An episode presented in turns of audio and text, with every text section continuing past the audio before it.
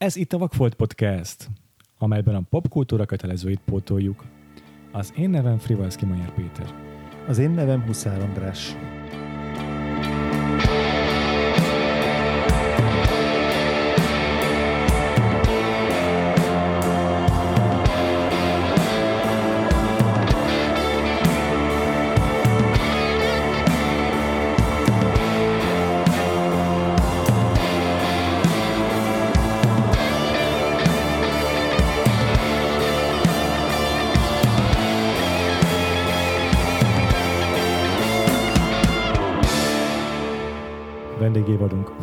Folytatásában uh, ismét visszatértek vendégeink, hogy egy újabb kedvencfilmet beszéljünk meg, úgyhogy itt ül velünk Vörös Eszter és Szabó Dominik. Sziasztok!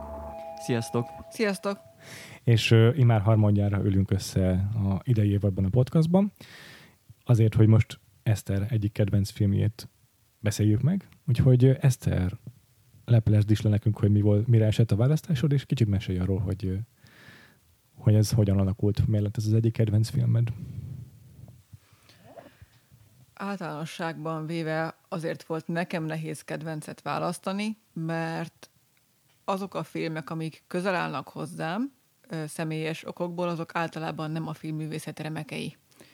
És nem feltétlenül gondolom, hogy lehetne róluk, vagy érdemes lenne róluk másfél-két órát beszélgetni egy podcastban, bár lehet, hogy nincs igazam.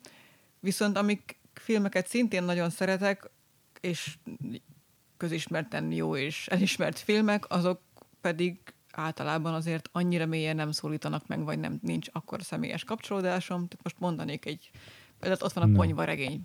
Nagyon szeretem a ponyvaregény, de Isten igazából nincsen személyes kapcsolatom vele. Tehát nem, Mhm. ezért nem nevezném kedvencnek, mert, mert nincs vele semmilyen kötődésem. És az Isten hozta őrnagy úr című film, amiről ma beszélgetni fogunk, ö, valahol úgy érzem, hogy a, mégiscsak az átmenet, amiről érdemes és lehet beszélni, illetve egyik azoknak a filmeknek, amiket rongyán néztem gyerekkoromban, vagy fiatalkoromban, meg aztán később is többször újra és újra. És hát általában nagyon szeretem a szatírát, a groteszket, az abszurdat, és hát itt ez bőven tartalmaz Mhm. ilyen elemeket. Úgyhogy úgy voltam vele, hogy ha már valamennyire azonosulni kell, és fel kell vállalni egy kedvencet, hogy a múltkor is beszéltük, ezt tudom simán bármikor vállalni, Aha. hogy, hogy miért is szeretem én ezt annyira. És hát nyilván itt is vannak bőven olyan ikonikus idézetek, amik nap, rendszeresen előjönnek újra és újra egy átlag hétköznap is. Sokszor eszembe jutnak. És hát a, amíg felnőttem otthon, ezek szintén sokszor előkerültek, és, és emiatt is van nekem személyes kötődésem ehhez a filmhez. Úgyhogy ezért, Aha. ezért lett ez a választás. Érdekes, hogy azért a, a nagy szépségnek is van egy erőteljesen szatirikus éle. Úgyhogy ez így jó kis, jó, jó kis dupla film egymás után szerintem a nagy szépséggel. De azért ez mégiscsak egy magyar film.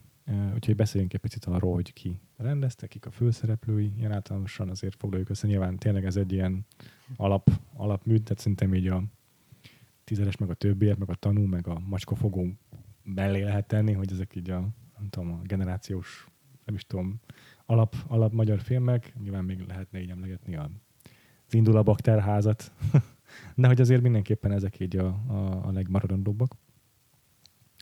Úgyhogy szerintem tényleg azért mutassuk be egy picit általánosan így a filmet, jó? Elsőnek.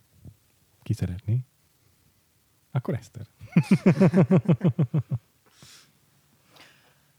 Hát röviden, amit lehet tudni erről a filmről, ugye az Örkény Istvánnak a Tóték című, ö, hát igazából forgatókönyv alapján készült, ugye eredetileg forgatókönyvnek szánta, de visszadobták, nem, nem akarták leforgatni a filmet belőle. Ő konkrétan arra írta, hogy Fábri Zoltán csináljon belőle filmet. Mhm.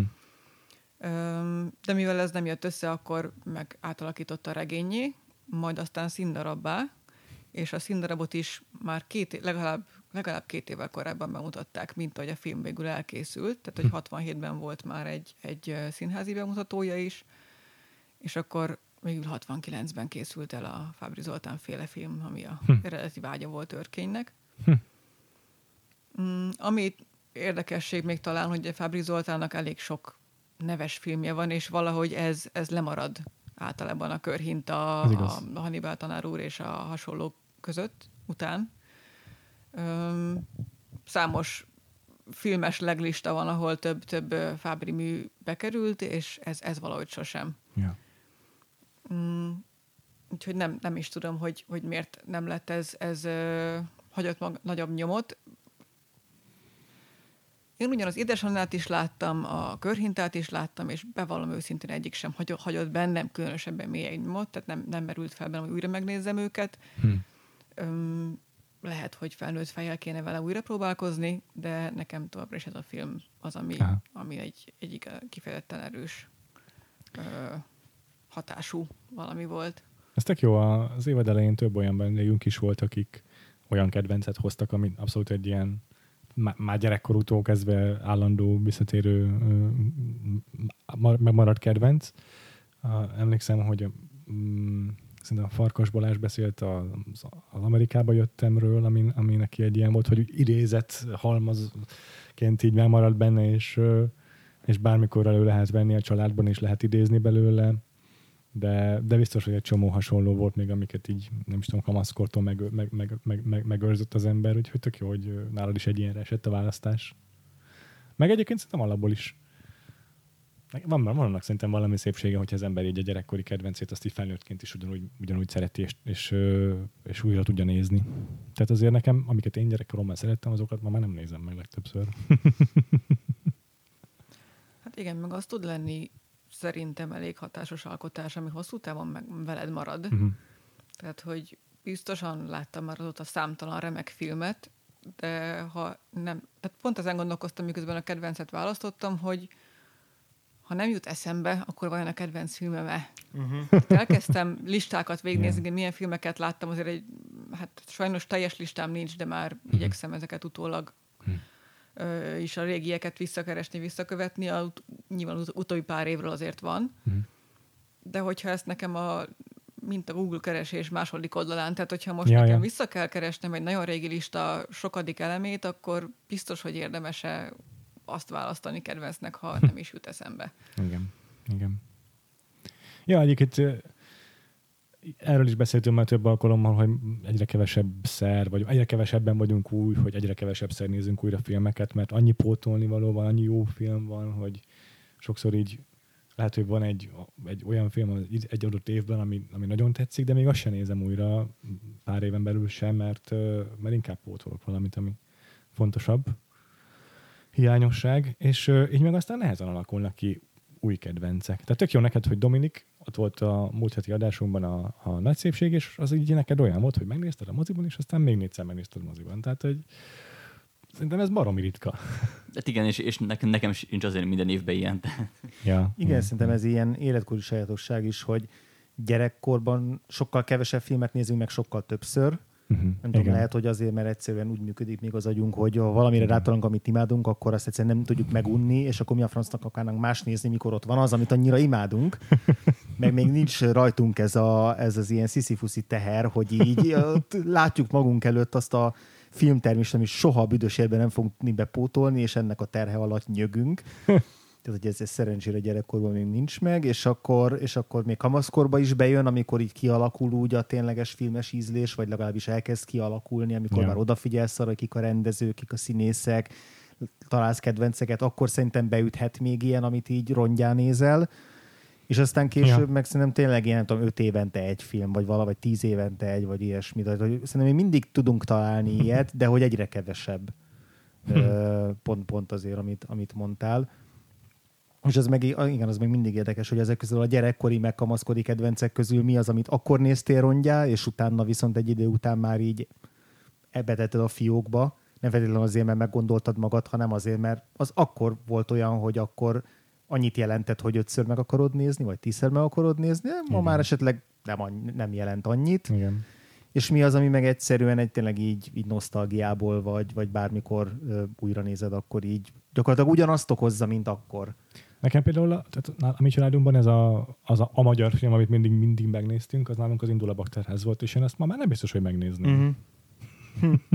Érdekes, amikor ugye, soroltad azokat a magyar fil- klasszikus magyar filmeket, hogy pont ezek voltak azok a magyar filmek, amiket én is imádtam, és Ja. sokszor láttam így gyerek Ja. meg fiatal koromban. Biztos, hogy sokan vagyunk így Igen. ezzel, de szerintem ezek tipikusan azok a filmek, hogy akik nem néznek magyar filmeket, mert mondjuk Igen. vannak prekoncepcióik, vagy voltak csalódásaik magyar filmekbe, Még akkor általában ez az a négy-öt magyar film, esetleg az Üvegtigris így az újabb, Hát ja, újabb ja, ja, ja. keletűek közül, de ugye ezek azok a magyar filmek, amiket még, még, még, még Ja. mi is így ennyi, ennyi, ennyiszer nézünk meg, meg, Igen, igen. meg, meg ezek ilyen abszolút pozitív élmények tudnak lenni bármikor, mert nagyon közönségbarát, de nem az ilyen, nem tudom, és ugye a a Vencel Vera miatt az egri csillagokra is visszagondoltam, hogy Hm. jó az egri csillagok, de nem az a fajta film, ami iránt itt tényleg tudsz lelkesedni különböző életkorokban. Az csak egy Igen. szépen meg izé, illusztrált, egy, egy, egy könyvnek egy szépen illusztrált verziója. Aha. De hogy vannak ezek a filmek, amik meg tényleg így be tudnak ütni, még filmként is tök jól működnek, nem csak így egy, nem tudom, irodalmi adaptációként. Ja. Nektek egyébként kötelező olvasmány volt a tóték? Mm, Nekünk biztos, hogy nem. Én olvastam, de csak a, fi- gyakorlatilag én a film miatt olvastam el, és már sokkal később, tehát Aha. hogy addigra már egy jó párszor láttam, Hm. és, és csak utólag olvastam. Ja, én, én sem emlékszem, én irodalomtanárunk le, leragadt szerintem az utolsó évben kb. Adi Endrinnél, meg József Attilánál, és velük fo- foglalkoztunk három hónapokat, meg hat Jesszus. hónapot, és így 20. nálunk is századi ezé, magyar irodalom, meg nemzetközi irodalomból alig, alig valami radnótiba csak így belekaptunk éppen, mert muszáj, tehát hogy ilyen Ejha. nem emlékszem, hogy őrkény ebben hol foglalt helyet, de azt tudom, hogy volt egy ilyen nagy őrkény korszakom, amikor így, így tényleg olvastam az egy perceseit, megfaltam a könyveit, és De. Fogalm sincs, hogy így mi volt a, a sorrend, az okokozatosság, de biztos, hogy kb. ugyanakkor, amikor, a, amikor az Isten hozta ő nagy urat, láttam és, és, Aha. és szerettem, és akkor, akkor így őrkényeztem egy darabig. Tök jó. Nekem is teljesen kimaradt, sőt, nekem szerintem örkény is jelentős mértékben kimaradt. Tehát így az egy perces még csak-csak, de, de Hmm. a, a hosszabb lézetvételű dolga egyáltalán nem. Szóval én igaz- igazából ezt a filmet sem láttam egészen idáig. Tényleg? Wow! Úgy se, hogy ezt neked nagy kedvence? De valahogy ed- eddig a filmig nem jutottunk még el. Hát Ez ez jó. tök jó. Legalább akkor nem az ilyen dögunalmas lesz, hogy mindáron a gyerekkorunkra emlékez, emlékszünk Igen, vissza. igen, igen, igen. Ez Nekünk, jó. nekem úgy emlékszem, hogy kötelező, vagy ajánlott olvasmány volt a, tő, a tóték. Biztos, hogy olvastam, és biztos, hogy Gibi miatt olvastam. Öm, és hogy órán került-e szóba, vagy csak így valahogy a könyvvel kapcsolatos kutatások során jöttem rá, hogy ebből készült egy film, ezt, hogy a szüleim mondták, hogy ebből készült egy Isten hozta ő nagy úr című film, de nem tudom, de valahogy ez így akkor, akkor hamar kiderült az olvasás után, és akkor, akkor láttam. De nálam mindenképp előbb volt a, a könyv verzió, és az biztos, hogy volt, tehát én ezt, nem sokat foglalkoztunk vele órán valószínűleg, tehát abszolút nem egy műelemzés szinten, de, de tudom, hogy része volt a tananyagnak valahogyan. Mhm. Úgyhogy mindenki kicsit máshogy jön. És uh, egyébként én Fábri-tól nem tudom, én, én, is, én, én is totál uh, le vagyok maradva az ő műveivel. Remélem, hogy lesz alkalmunk a Vakfolt podcastban, ha máshol nem, bepótolni azért a legnagyobbakat, de tényleg mit tudom, én, az ötödik pecsétet se láttam még. Mm, Én se. Hm. Ne, Többiek is ingatják a nekem, nekem is teljesen az egész Fábri életmű, meg úgy általában egy csomó magyar rendező olyan, hogy így teljesen nulla, Aha. Tehát hogy így, Mhm. így vagy esetleg egy-egy film, ami így, de hogy a, a teljes életmű, vagy így, hogy lá- lássam az életművet egészében, ez így nekem nagyon, ja. nagyon messze áll tőlem. Ja.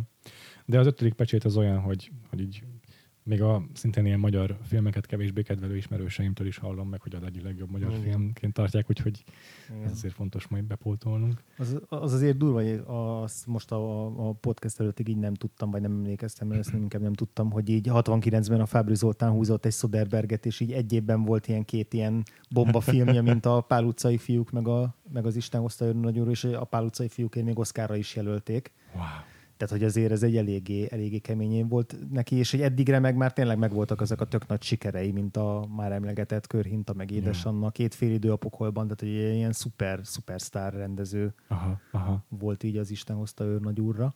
Hogy mi, mi, mire kijött ez a film, vagy ameddig, ami- amikor kijött ez a film. aha. És hát akkor egy kicsit a főszereplőkről is beszéljünk, Hm. legalábbis a két férfi főszereplőről első körben, mert ők azok, akiket aztán már millió másik filmben, vagy legalább hallhatunk, ha nem látunk. De, de igen, a Vencel Verát is majd mindenképpen meg kell beszélnünk, meg fónai már, tehát mert mind a három, mind a négyen ö, szuperek. De hát Sinkovics Imre és, és Latinovics Zoltán a, két férfi főszereplő. Latinovicsal mi már találkoztunk, és nagyon, nagyon érdekes az ő színészi skálája. Már csak, már csak amit a podcastban láttunk belőle, de, de amúgy is tényleg szerintem az egyik legsokoldalúbb színész, akit így ismerek a magyar legendás színészek közül. Sinkovics Imrét én nem tudom, láttam-e ezen kívül filmben vajon. De hallani, nagyon sokszor hallottam. Szinkronizálni. Hát a, A tizedes meg a többiek. tizedes meg a többiek, persze. igen, Ja, az igaz, tényleg. az biztos. Hm. Meg elvileg azt hiszem az egri csillagokban is játszott talán. Sőt, a honfoglalásban az ő volt volt. álmos. Hát akkor azt azt legalább mindenképp- kétszer láttuk, ugye? hogy nem tudom, de, de igen, nekem Sinkovics Imre óriási nagy kedvencem volt így, így gyerekkoromban, és főleg a szinkron jó. szerepei miatt, meg én Aha. akkor nagyon sokat jártam színházba, De jó. biztos, hogy ott is, már nem emlékszem, hogy milyen darabban, de biztos, hogy láttam, Aha. láttam őt színházba is, meg, meg akkor így nagyon rajta voltam ezen, hogy így, így főleg a szinkron miatt, hogy így, így betéve tudtam a szinkron hangokat, tehát így valaki megszólt, Aha. akkor tudtam, hogy kicsoda, meg, meg így, így volt ilyen füzetem, amiben vezettem, meg volt ilyen szinkron színészes könyvem, amiben így ezért mindig lapozgattam, hogy a melyik arc kicsoda, meg ilyen autogramokra vadáztam, szóval én nagyon rá voltam pörögve erre a, Hm. a magyar színészek, szinkron színészek dologra, és, és a Sinkovics Imre meg tényleg az egyik leg, leg, legnagyobb így legenda ebben a, Mhm. uh-huh. ebben a körben. Ez biztos, hogy én is előbb, előbb ismertem a hangját, mint hogy, mint hogy láttam volna. Igen, igen, igen, igen. Ö, mi, biztos, hogy láttuk már a podcastban a magyar filmet, de mi volt az? Emlékszel még? Vagy csak, vagy csak képzelem? Szerintem nem. Hm, Szerintem nem volt. Jó. Akkor csak, lehet, hogy csak azt hittem, hogy, hogy beszéltünk róla már. De tudom, hogy nagyon sokszor ö, ö, kerülgettük őt, mert a, a, pont az ötödik pecsétben is szerepel, meg a Szimbád, amit már itt többször szóba hoztunk, hogy én Ja, Latinovics, ja, azt hittem, hogy még a Sinkovics Imre. Ja, bocsánat, igen, Latinom. Akkor Na, Latinovics, mondtam. igen, hát a hideg napoknak volt a, Ja, tényleg, az egyik hideg napok. főszereplője. Igen, igen, igen. Na igen, igen. Na hát akkor ő, ő már visszatérő, de mondom, itt egy komikus szerepben látjuk, ami nagyon, nagyon más, mint amit eddig, meg, amit eddig láttunk tőle. Ja, igen, így nagyon érdekes volt most így vissza, visszanézni. Így. Nyilván akkor, amikor láttam, akkor is tudtam, hogy a Latinovics ő az a, a, a nagy színész legenda, aki a tévében verseket szaval, és ilyen ilyen bakelit lemezen adták ki a szövegmondásait, és hogy ő ilyen, ő ilyen valaki, és akkor úgy néztem a, a Isten hozta őrnagyűrbeli alakítását, de hogy így most így két dolog jutott róla eszembe a mostani újranézésre. Az egyik, hogy néha ilyen teljesen ilyen csevicsézes, vagy nem tudom, ilyen, ez az ilyen nagyon bőrlegszerű, bohózatszerű, eltúlzott komikummal játszik, néha meg olyan, mint hogyha Marlon Brando játszana valami vígjátékban. Tehát ez a, a metod színész, aki, aki a vígjátéki szerepeit is ilyen full komolyan veszi, és 150 százalékban játsza. Ez érdekes, hogy így ő mint nem azt mondom, hogy komoly színész, de hogy elsősorban drámai szerepeiről ismert színész, Ja. hogy fog meg egy vígjátékot és egy szatírát, hogy így Milyen lehet úgy élni, hogy ilyen az ország legnagyobb színészeként tartanak számon? hogy így nem lehet, nem, nem, nem tudsz, nem nem a státuszodnak megfelelően Mm. meg, meg, megjelenni sehol valószínűleg, tehát nagyon furcsa lehet. Talán színész királynak is nevezték, volt valami ilyen peceneve, vagy nem is tudom, ilyen megnevezése.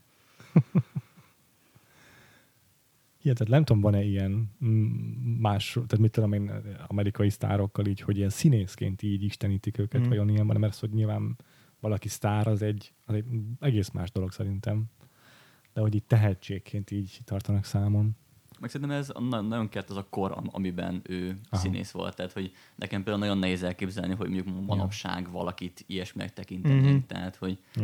ja. tényleg kellett ez a közép-kelet-európai, um, ahol azért még ez, ez a közeg, ahol így azért ki lehet emelkedni, de nem annyira kiemelkedni, az egész világon megismerjenek, hanem hogy valahogy globálisan, és, és úgy, úgy, hogy nagyon sok rendező is akar vele dolgozni, és ezáltal nagyon sokan megismernek. Ez szerintem nagyon egyedi kombináció ahhoz, hogy így valaki ennyi- ennyire magasra tudjon törni. Aha, aha, aha, igen. Ja, igen, meg ez érdekes, hogy a, azok a filmek, amik mondjuk így a, a ezredforduló előtt, vagy a rendszerváltás előtt így nagyobb nemzetközi mm, utat befutottak, azoknak gyakran ugye külföldi főszereplője volt, mint mondjuk nem tudom, a Szabó Istvánnál a Mephisto vagy a Red Lezredes, ahol a Klaus Maria Brandauer volt a főszereplő. Tehát, Mm. hogy még csak az se volt feltétlenül, hogy hogy magyar főszereplő úgy tudjon, vagy magyar színész úgy tudjon mondjuk nemzetközi szintre dobbantani, hogy volt egy filmje, ami körbe ment a fesztiválokon. Nyilván volt ilyen is, a Törő Csikmari egy ilyen színész volt, Hm. aki, akit, akiért Kamma rajongtak, de hogy azért viszonylag kevés volt ez Hm. is. Tehát, hogy még az a néhány Hm. magyar film, ami így kijutott, nem tudom, Oscar-t kapott, vagy Oscar nevezésig eljutott, ott se feltétlenül tudtak Ja. vagy tudtak, vagy akartak, ugye itt a politikai helyzet is kényes, meg kérdéses, hogy mennyire Ez lett volna egyáltalán bármilyen lehetősége valakinek nemzetközi karriert befutni, amikor itt azért ennek volt egy külső ö, hatalmi része, aki erre így nemet mondhatott, de Ja. ja. Hm. Na jó, van, beszéljünk egy picit akkor a magáról a filmről, történetéről. Ö, hol kezdjük? Szeretnénk egy kis seregmény összefoglalót először? A tótékról? Mm, Én azon gondolkodtam egyébként, hogy így vissza, tekintve akár a Werkmeisterre, akár a, a nagy szépségre, ez ugyan elvileg hivatalosan tudható, hogy ez a második világháború alatt játszódik, de Isten igazából nem feltétlenül szükséges ez. Ez igaz. Tehát, hogy ez azért is tud szerintem működni felnőtt fejjel később bármikor, mert ez nem egy korszakhoz kötődő Ja. film. Tehát nem, Ja. is, nem, nem, nem arról szól, Ja. hogy a második világháborúban, és ha ezt levegyük, leveszük az elejéről, akkor is úgy- pont ugyanúgy működik. uh-huh. Igen, emlékszem, hogy volt egy félmondat, ahol így kiderül, hogy a Latinovics az az oroszok ellen harcol, de így, ha ez nincs benne, akkor teljesen kor nélkül, teljesen kontextus nélkül is meg, megállná a helyét a film. Tehát ez az egy mondat, amit egyértelmű, én meg is lepődtem, hogy most itt el, konkrétan elhangzik, hogy ezt most elhelyezik akkor a Mm. háborúban a filmet, ami És- nyilván egyértelmű amúgy is, de hogy így Egyébként ez emiatt érték kritikák is uh, Fábrit, mert hogy sokan mondták, hogy túl, túl konkrét lett. Eha. A, a, az is, már maga az, hogy az elhelyezkedése is, mert így a, a falu is valahogy, valahogy egészen, tehát ahhoz képest, amilyen a regény világában ennél elvontabb egy picit, Aha. és hogy ahhoz képest nagyon konkrét lett, meg az, Ja. hogy ilyen ennyire, ennyire egyértelmű ö, utalások vannak, az, azt nem feltétlenül érezték szükségesnek. Úgyhogy még, még érte ilyen kritika is, nem tudom, azt sajnos nem tudom, hogy ő ezekre reagált-e, vagy volt-e valami válasza. Aha. Vagy bármiféle hátrány érte-e őt vajon a karrierjében ezután? Én pont azon gondolkodtam, hogy um, szóval nekem ez az egyetlen félmondat, és pont nekem is el, eléggé kilógott, Aha. de hogy én pont arra jutottam, hogy le, lehet, hogy ez pont szándékos volt, hogy, tehát, hogy mert nekem nagyon furcsa ezt a filmet el lehetett készíteni egyáltalán ebben az időszakban. Tehát, hogy ugye annyi- annyira a hatalomról és a ha- hatalomról való viszonyról ról mesél, Ja. hogy. Ha, ha, ha nem rakják bele ezt a félmondatot, akkor még akár úgy is lehetne értelmezni, hogy az elnyomó hatalom a Szov- Szovjetunió, ami hát azért na, hát így nem, nem, nem akarnánk értelmezni ezt a filmet, tehát Mhm. akkor már inkább kell bele egy fél, félmondat, hogy nem, nem itt valami fasiszta diktatúráról, vagy akármiről beszélgetünk. És ezt már egyszer, ezt a kiskabot már egyszer kijátszották a hideg napokkal. Igen. Igen, és ugye a- ami miatt a tanút mondjuk tiltó, vagy a tanult tiltó listára volt téve, a, annál azért nem annyira, tehát nem annyival sokkal szoftosabb ennek a filmnek a társadalom kritikája, vagy a politika kritikája. De, de valószínűleg pont annyival általánosabb, meg univerzálisabb, hogy így, hogy így a cenzorok így, így át, át, átengedték, vagy legyintettek rá, hogy oké, okay, ez, így, ez így mehet. De hogy igen, ez egy érdekes kérdés, hogy vajon igazából mind a kettő vígjáték, mind a kettő szatíra, mind a kettőben vannak eltúlzott elemek, csak az egyik egy jóval konkrétabban reflektál az adott korszaknak a társadalmi berendezkedésére. De úgy érdekes, mert itt külföldi kritikában viszont pont azért ö, hát nem is, nem, azt, azt hiányoltak, hogy nem volt konkrétabb. Mhm. Tehát, hogy Ez a két Hát nyilván, pad alá, nyilván, hogy- nyilván külföldről nézve igen. hiányolták az erő, erőteljesebb Uh-huh. állásfoglalást, és onnantól túl könnyednek tűnt, ami, amibe került a filmbe. Hát érdekes. Nagyon érdekes. Hát pedig Valószínűleg nem volt könnyű a kettő között balanszírozni, hogy így mi legyen a végeredmény. Hmm. Hmm, ez marha érdekes, igen. De szerintem egyébként igen, most ebben, ebben a helyzetben nem lehet mást tenni, mint hogy beburkolni a társadalom kritikát abba, hogy valójában nem a mostani társadalmat kritizálom, hanem pont, hogy az előző rendszert, amit leváltott ez a társadalom, és akkor már is nem annyira. Igen. Nektek egyébként hogy működött így, így mából visszanézve ez a társadalomkritika, meg a filmnek ez a rétege? Most elsősorban Dominikra vagyok kíváncsi, mint aki először látta, de nyilván egyébként így mindenkinek a véleményére. Vagy Ne- egyáltalán mire számítottál ettől a filmtől? Nem számítok semmire filmektől. Ez egy jó hozzájárás. Igen, ez vagy nyilván pró- próbálok prekoncepciók nélkül nekiállni. Nekem abszolút működött, tehát, hogy le- nyilván lehet, hogy pont azért, mert nem számítottam semmire, mert értelemben, hogy nem, nem voltak konkrét elképzeléseim. Um, nekem abszolút működött, és valószínűleg azért, mert annyira un- univerzális és annyira általánosságban beszél, de mégis egy, egy nagyon jól eltalált, nagyon egyszerre szórakoztató és nagyon tragikus történeten keresztül, hogy, hogy tényleg ma, ma, mai fejjel, vagy ma, mai első megnézésre is abszolút nagyon jó film. Aha. És Eszter? Hát ahogy mondtam, így, így nekem ez teljesen működik akárhol, akármikor. Uh-huh. Tehát az, Nekem- hogy az, hogy az elnyomás hogyan tud megtörni valakit, az, Aha, az egy aha. elég általános dolog, ami nagyon sok szituációban megtörténhet, és gyakorlatilag szinte mindegy, hogy éppen milyen rendszer vagy milyen helyzet hozza ezt. Ez egyfajta feldolgozása volt ennek a kérdéskörnek. Hanem, lehet ebből az irányból is szemlélni szerintem. Igen, igen, igen. Neked szerintem mi- minden rendszernek megvannak a maga elnyomó hatalmi helyzetei, úgyhogy ilyen szempontból 2021-ben is tud működni. Hm. Igen. Ö, most nekem is szerintem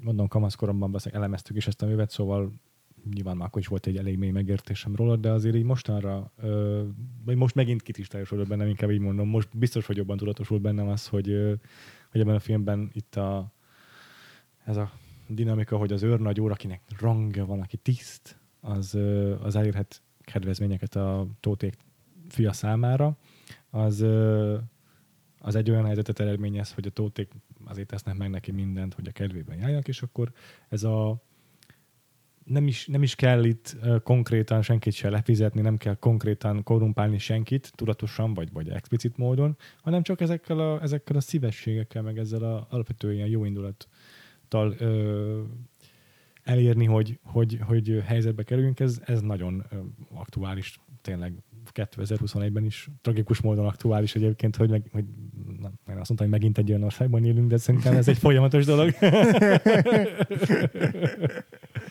Ahol ez egyre inkább, inkább azt mondanám akkor, hogy egyre inkább az életünk része, hogy így mindenhol jó pofizni kell azért, hogy, hogy izé, sorra kerülj mondjuk, vagy megszerez valamit, vagy hát, hogy így semmi nem megy a, simán csak a, a bürokratikus procedúra. Nem, nem, nem, nem tudod magad rábízni a, a, a, a, arra, hogy az állam, vagy a hatalom az, az ö, egyenrangúként kezel téged, ugyanúgy, ahogy másokat. Ja, igen, nekem most a leg, legerősebben a, az a része mm, ütött be, vagy az a része működött, hogy, hogy mennyire tud manipulálni a, az őrnagy a teljes kiszámíthatatlanságával. Tehát azzal, hogy soha nem tudod, hogy hányadán áll. Nagyjából mi nézőként ki tudjuk ismerni a logikáját, mert már nagyjából tudjuk, hogy mikor fog izé raplit csapni, meg mikor mondja azt, hogy akkor most összepakolok és elmegyek, mikor indul be ez az ilyen passzív-agresszív izé. Reakciója, hogy ez, ezeket mivel lehet kiváltani, de hogy alapvetően ott abban a helyzetben, amiben a tóték vannak, hogy így hogy így nem tudják azt, hogy most, most izé, most vállon veregeti őket, és, és, és a legjobb barátjuk lesz, vagy, vagy azonnal izé, egyik pillanatról a másikra összepakol és elmegy. Tehát ez a fajta Igen. kiszámíthatatlan, kiszámíthatatlanság, ettől szerintem még univerzálisabb a film, hogy egyrészt igen, itt van az, az elnyomó hatalomnak lehetetlen megfelelni, mert nem fogsz tudni az elvárásainak csak akkor megfelelni, hogy teljes mértékben feladod magad, és elpusztítod magad közben, de hogy ebbe benne van az, hogy így egy, nem tudom, az érzelmi terrornak is mennyire ki tud lenni szolgáltatva az ember. Nem csak feltétlenül politikai berendezkedésben, hanem bármilyen ö, olyan szituációba, vagy olyan dinamikába, ahol van egy ilyen tekintély, vagy pozícióba lévő személy, vagy, vagy intézmény, vagy bármi, akitől te függsz, és hogy lesed a, az igényeit, és, és nincs egy olyan biztos rendszer, ami alapján te meg tudod mondani, hogy milyen reakcióra mi lesz az ellenreakció, hanem teljesen kiszámíthatatlan. Ja. Tehát ugye ez a fajta ilyen tojáshéjon járkálás, Mhm, mhm, mhm, amit az őrnagynak a személyisége, meg, a, meg ez, a, ez az elképesztő hullámzó ö, lelki állapota kivált, ez is ilyen nagyon, nagyon para. Ja. És, és hogy ez mennyire ilyen apró lépésekben történik. Tehát, hogy mit tudom, az el- el- először még éppen csak valami ebből megnyilvánul, aztán még egy picit több, nem tudom, egy idő után, mert elkezdenek dobozolni, elkezdenek ajtót festeni, mindig egy picit több és több, de hogy nem, tehát ez én, szerintem pont azért nagyon működik ilyen jó, jó ez a folyamat, mert hogy ez egy észrevétlen valójában. Mhm. Tehát ahogy tényleg a, a minden, mindennapjainkban is, is, mint ahogy a, nem tudom, a homár megfő, a, vagy a bék, béka megfő a forró vízben, hogy egyre melegebb lesz, egyre melegebb lesz, és egy ponton túl már egyszerűen nem bírja tovább, akkor nyilván megtörténik va- valami, de hogy nagyon sokáig ez egy teljesen észrevétlen folyamat, és, és, Aha. és gyakorlatilag nyilván valamennyire érzékel az ember, ho- hogy, hogy ő most itt nagyon rosszul érzi magát, de hogy, de hogy még el tudja fogadni, hogy jó, még ezt egy picit még, el, még, még ebbe még be, belemegyek, még, még ezt az alkut még megkötöm, még ezt a kompromisszumot be tudom vállalni. Mhm. Mm-hmm. ja. És ez, ez egy na- nagyon szörnyű emberi folyamat benne. És hogy a végére meg elembertelen, ez gyakorlatilag elveszed a saját identitásodat lényegében. Ja, hát meg ez, a, ez igazából ez a puha diktatúrának a definíciója, nem? Így kb. Tehát Hát, ez, hogy igen. Hogy hogyan lehet 11 év alatt leépíteni a demokráciát, úgyhogy ezt se vesszük. Igen, igen, igen. Mm, Eszter, neked egyébként akarsz ezt hozzászólni? Hát igen, csak annyit, hogy, hogy főleg a, az elején gyakorlatilag ők nem is nagyon gondolnak abba bele, hogy mit veszíthetnek. Tehát, hogy ez el, el, am- amíg meg sem érkezik az őrnagy, addig ugye ez egy pozitívum teljes mértékben, nyilván igyekeznek minél jobban felkészülni, de ez most csak egy vendéglátás, egy egyszerű helyzet, jön egy őrnagy, ott kipiheni magát, és akkor boldogan visszamegy a frontra, akkor megvédi majd a fiúkat a Hmm. bármitől. És hogy az is szépen lassan esik le, vagy le sem esik, hogy ez egy mekkora kihívást jelent, mert nincs is idejük ezen elgondolkodni. De. Egy ponton túl már kevésbé lett volna veszélyes, ha el sem jön az őrnagy úr. Tehát, hogy lehet, hogy Igen. jobban jártak volna, hogyha nincs a vendég, és, és nem, nem, tehát, hogy úgy keverik veszélybe a fiúkat, hogy nem uh-huh. számítottak arra, hogy ők, ők lesznek egy olyan veszélyforrás, ami Igen. Igen. teljesen nonsens akkor, amikor elvileg a hat téren küzd a fiú. Igen, azzal, azzal, hogy belemennek ebbe a játszmába, vagy ebbe, Igen, a, tehát, hogy- ebbe a dinamikába, azzal folyamatosan újra meg újra egyre inkább veszélyeztetik Igen, azt, tehát hogy az ő nagy haragja az egy ponton túl, amikor már fog ütni a fiúkra. ők sem, tehát hogy mert nincs, nincs, nincs igazából választásuk a, fölállni és azt mondani, hogy ennyi elég Aha. volt, mert, mert már ott van a szituáció, hogy ha most megsértik, akkor, akkor ha visszamegy, akkor sokkal rosszabb lesz a gyereknek. Igen.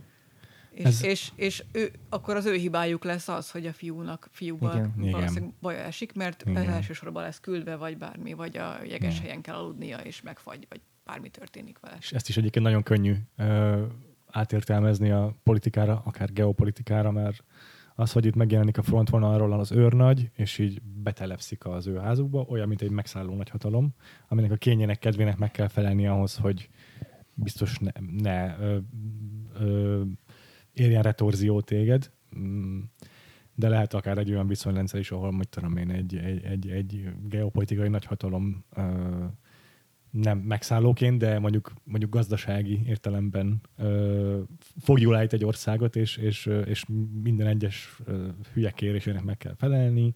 Ö, mit tudom én, az Európai Unióban olyasmiket kell csinálni, amiket egy másik nagy hatalom követel, és a végére oda jutsz, hogy egy ilyen megbékjóz az egész szituáció, és, és, és, és pont amiatt, hogy, hogy már félted a saját ö, ö, ö, saját biztonságodat, létbiztonságodat már nem tudsz nem, ö, nem, nem tudsz ellent mondani egy ilyen, egy ilyen külső. És itt is az egész falura rátelepszik szépen lassan. Tehát ugye az első pont, Szép lassan, amikor, amikor nagyjából, amint megérkezik, akkor még csak a családot zavarja. Jó, hát a hazaérkezési jelenet az önmagában egy izgalmas a legelején, de hogy ugye már másnap talán, vagy két nappal később, amikor a törött karú, vagy törött vállú szomszéd próbálja csapkodva enyhíteni a viszketést a kötés alatt, ugye akkor már ő az első, akit el kell csöndesíteni. Igen. Meg a rászólnak, nem tudom kérem, hogy a kutyát ne hergelje. Igen, az már még az előkészületek Igen, részben megtörténik, hogy igen. ugye a postás, postás fiú az Igen. ne, ne hergelje a kutyákat abban a két Ja. hétben csak. És aztán van ez a jelenet a vége felé, ez már tényleg a finálé közelében, amikor elmennek kocsmázni, és akkor uh, monologizál hosszasan az őrnagy úr, és lassan az egész kocsma ö, ő ráfigyel, és így körbeülik, de ilyen tömegek, tehát az egész falu lakossága nincs annyi ember. Igen, az irracionálisan sokan voltak abban a jelenetben a végére. Igen, és tök jó az is, hogy, hogy ebbe az egész szituációba az ellenállás az igazából soha nem lesz egy igazi ellenállás. Hogy az egyetlen ember, aki megpróbál ellenállni, az a, az a Tóth úr. Ő is azért, mert hogy alapvetően az ő, az ő pozíciója az az, ami veszélybe kerül a Mert eddig ő volt faluba. a, ő volt akire a, fel, fő, a tekintő. Így igen, van, igen. ő volt, akire mindenki felnézett, és itt most ilyen megaláztatásokat kell Ja. nap mint nap ö, meg átélnie, hogy a tűzoltók alapját a szemébe húzza, meg, Ja. meg átugrik szemellen... Nem, nem szabad a saját ö, elveit mostantól, meg a saját tekintélyét kihasználni, hanem szemellenzősként kell élni az életét, mert egy másik külső katonai nagyhatalom megjelent, és ráparancsolt.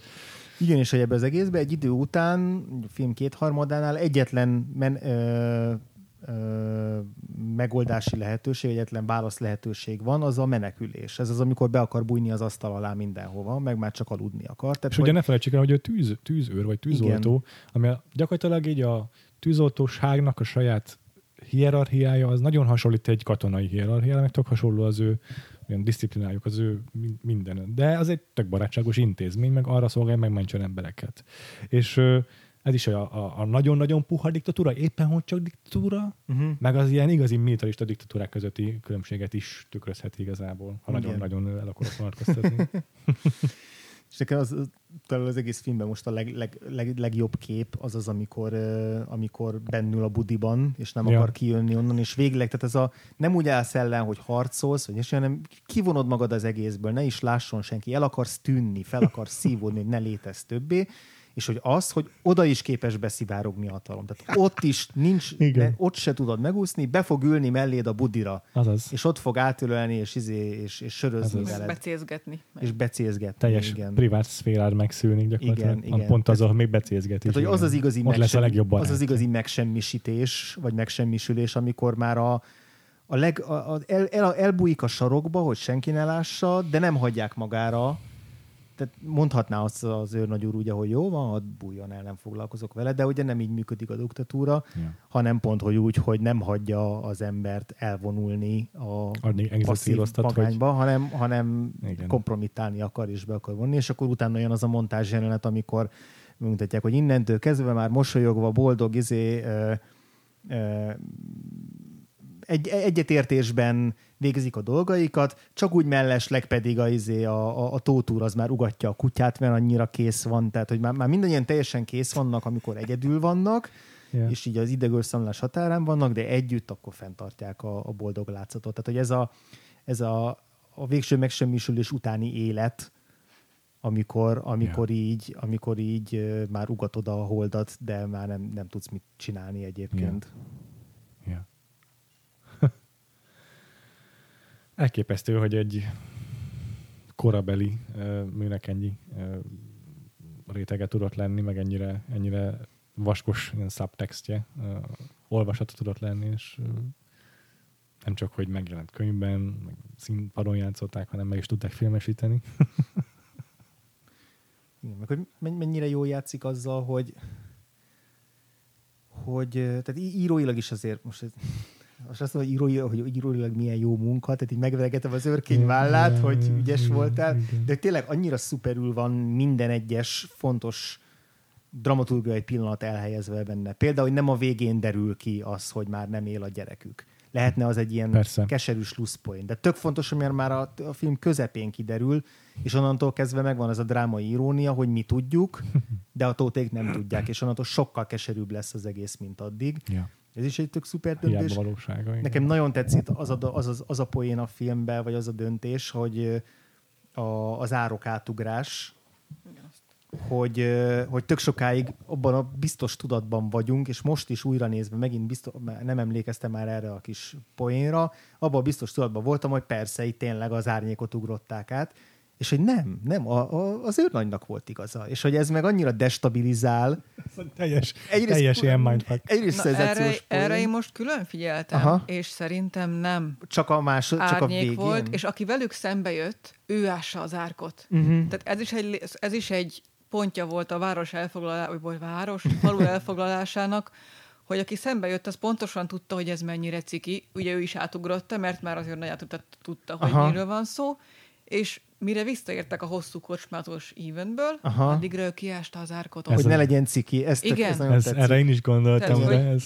Ez, ez nekem is most, most, most kifejezetten figyeltem rá, Aha. kíváncsi voltam, Ez hogy erre jó. jól emlékszem, vagy, vagy tényleg itt, itt mi a poén, és ugyanaz az ember Aha. ásta ki, Igen. mert, mert tudta, hogy nincs más út. Tehát, Aha, hogy muszáj muszáj volt kiesni, és Igen, akkor igen. az egyetlen szituáció, ahol a Tóth megpróbált volna már akkor éppen Igen. egy, egy kellemesebb viszonyban őszintén beszélni Ja. az őrnaggyal, akkor is megsemmisülni kényszerül, mert Ez egyébként tök ugyanaz a mechanizmus, mint a tanú, ahol a citrom ö, lesz a narancs. nagyjából igen. Igen, de ez nekem azért tetszett nagyon, mert hogy így nem csak a Tóth úr lába alól húzza ki a talajt, szó szerint, hanem így a nézők lába alól is. Mert hogy már mi is azt hiszük, hogy tudjuk, hogy működik ez a film, és egyszer csak nem, az őrnagynak is lehet igaza, Igen. vagy hát lehet, hogy így lett igaza, hogy az Eszter mondja, de hogy, de hogy De a néződ akkor is. a nézőt akkor is megzavarja, most akkor, akkor nem tudunk most már minden egyes alkalommal a, a, abban hinni, hogy amit az őrnagy gondol, meg lát a világról, az hülyeség, meg, meg, meg az, az, csak, az csak ilyen az ő megháborodott elméjének a szüleménye. Sőt, szerintem a gondolatai által uralja a val- valóságot. Tehát, Hmm. hogy a, azt hiszem a, a narrátor, a, a Szent Szenációs Darvas mondja azt, hogy a, amikor a tót először át akarja ugrani a, az árkot, akkor eltűnődik, hogy, hogy most átugorja az árkot, vagy sem. Tehát, hogy fogadja el a látszatot va- valóságnak. Uh-huh. Ja, Tehát, hogy, ja. hogy, és akkor igen, igen, mire visszatjönnek, addigra már a, a ö- őrnagy gondolataiból, vagy, vagy tévképzeteiből teljesen valóság lesz, de hogy Ez meg már ez egy ilyen plusz folyamat. szinte 1984-es 101-es szobás dolog, igen. Hát meg a, ide, ide sorolható az ásítós jelenet is, amikor most itt nem is tudom, hogy a filmben az pontosan mi, amit a szájba vesz, de ugye a könyvben ugye zseblámpa. Uh-huh. Ö, és ott Ja. is már ugye az utolsó utáni pontja a, a tót megadásának, hogy ott a két nő már teljesen alapvetőnek vesz, hogy ez normális. Hát hogy mondja a kislány is, hogy hát vegye a szájába az apu, és ennyi. És hogy így, így mit kell ezen fönnakadni, ez csak egy eszköz, egy megoldás egy problémára, haladjunk, ez, ez teljesen belefér. És hogy ott már akkor a tóton kívül senki számára nem abszurd ez. Hm. Aha.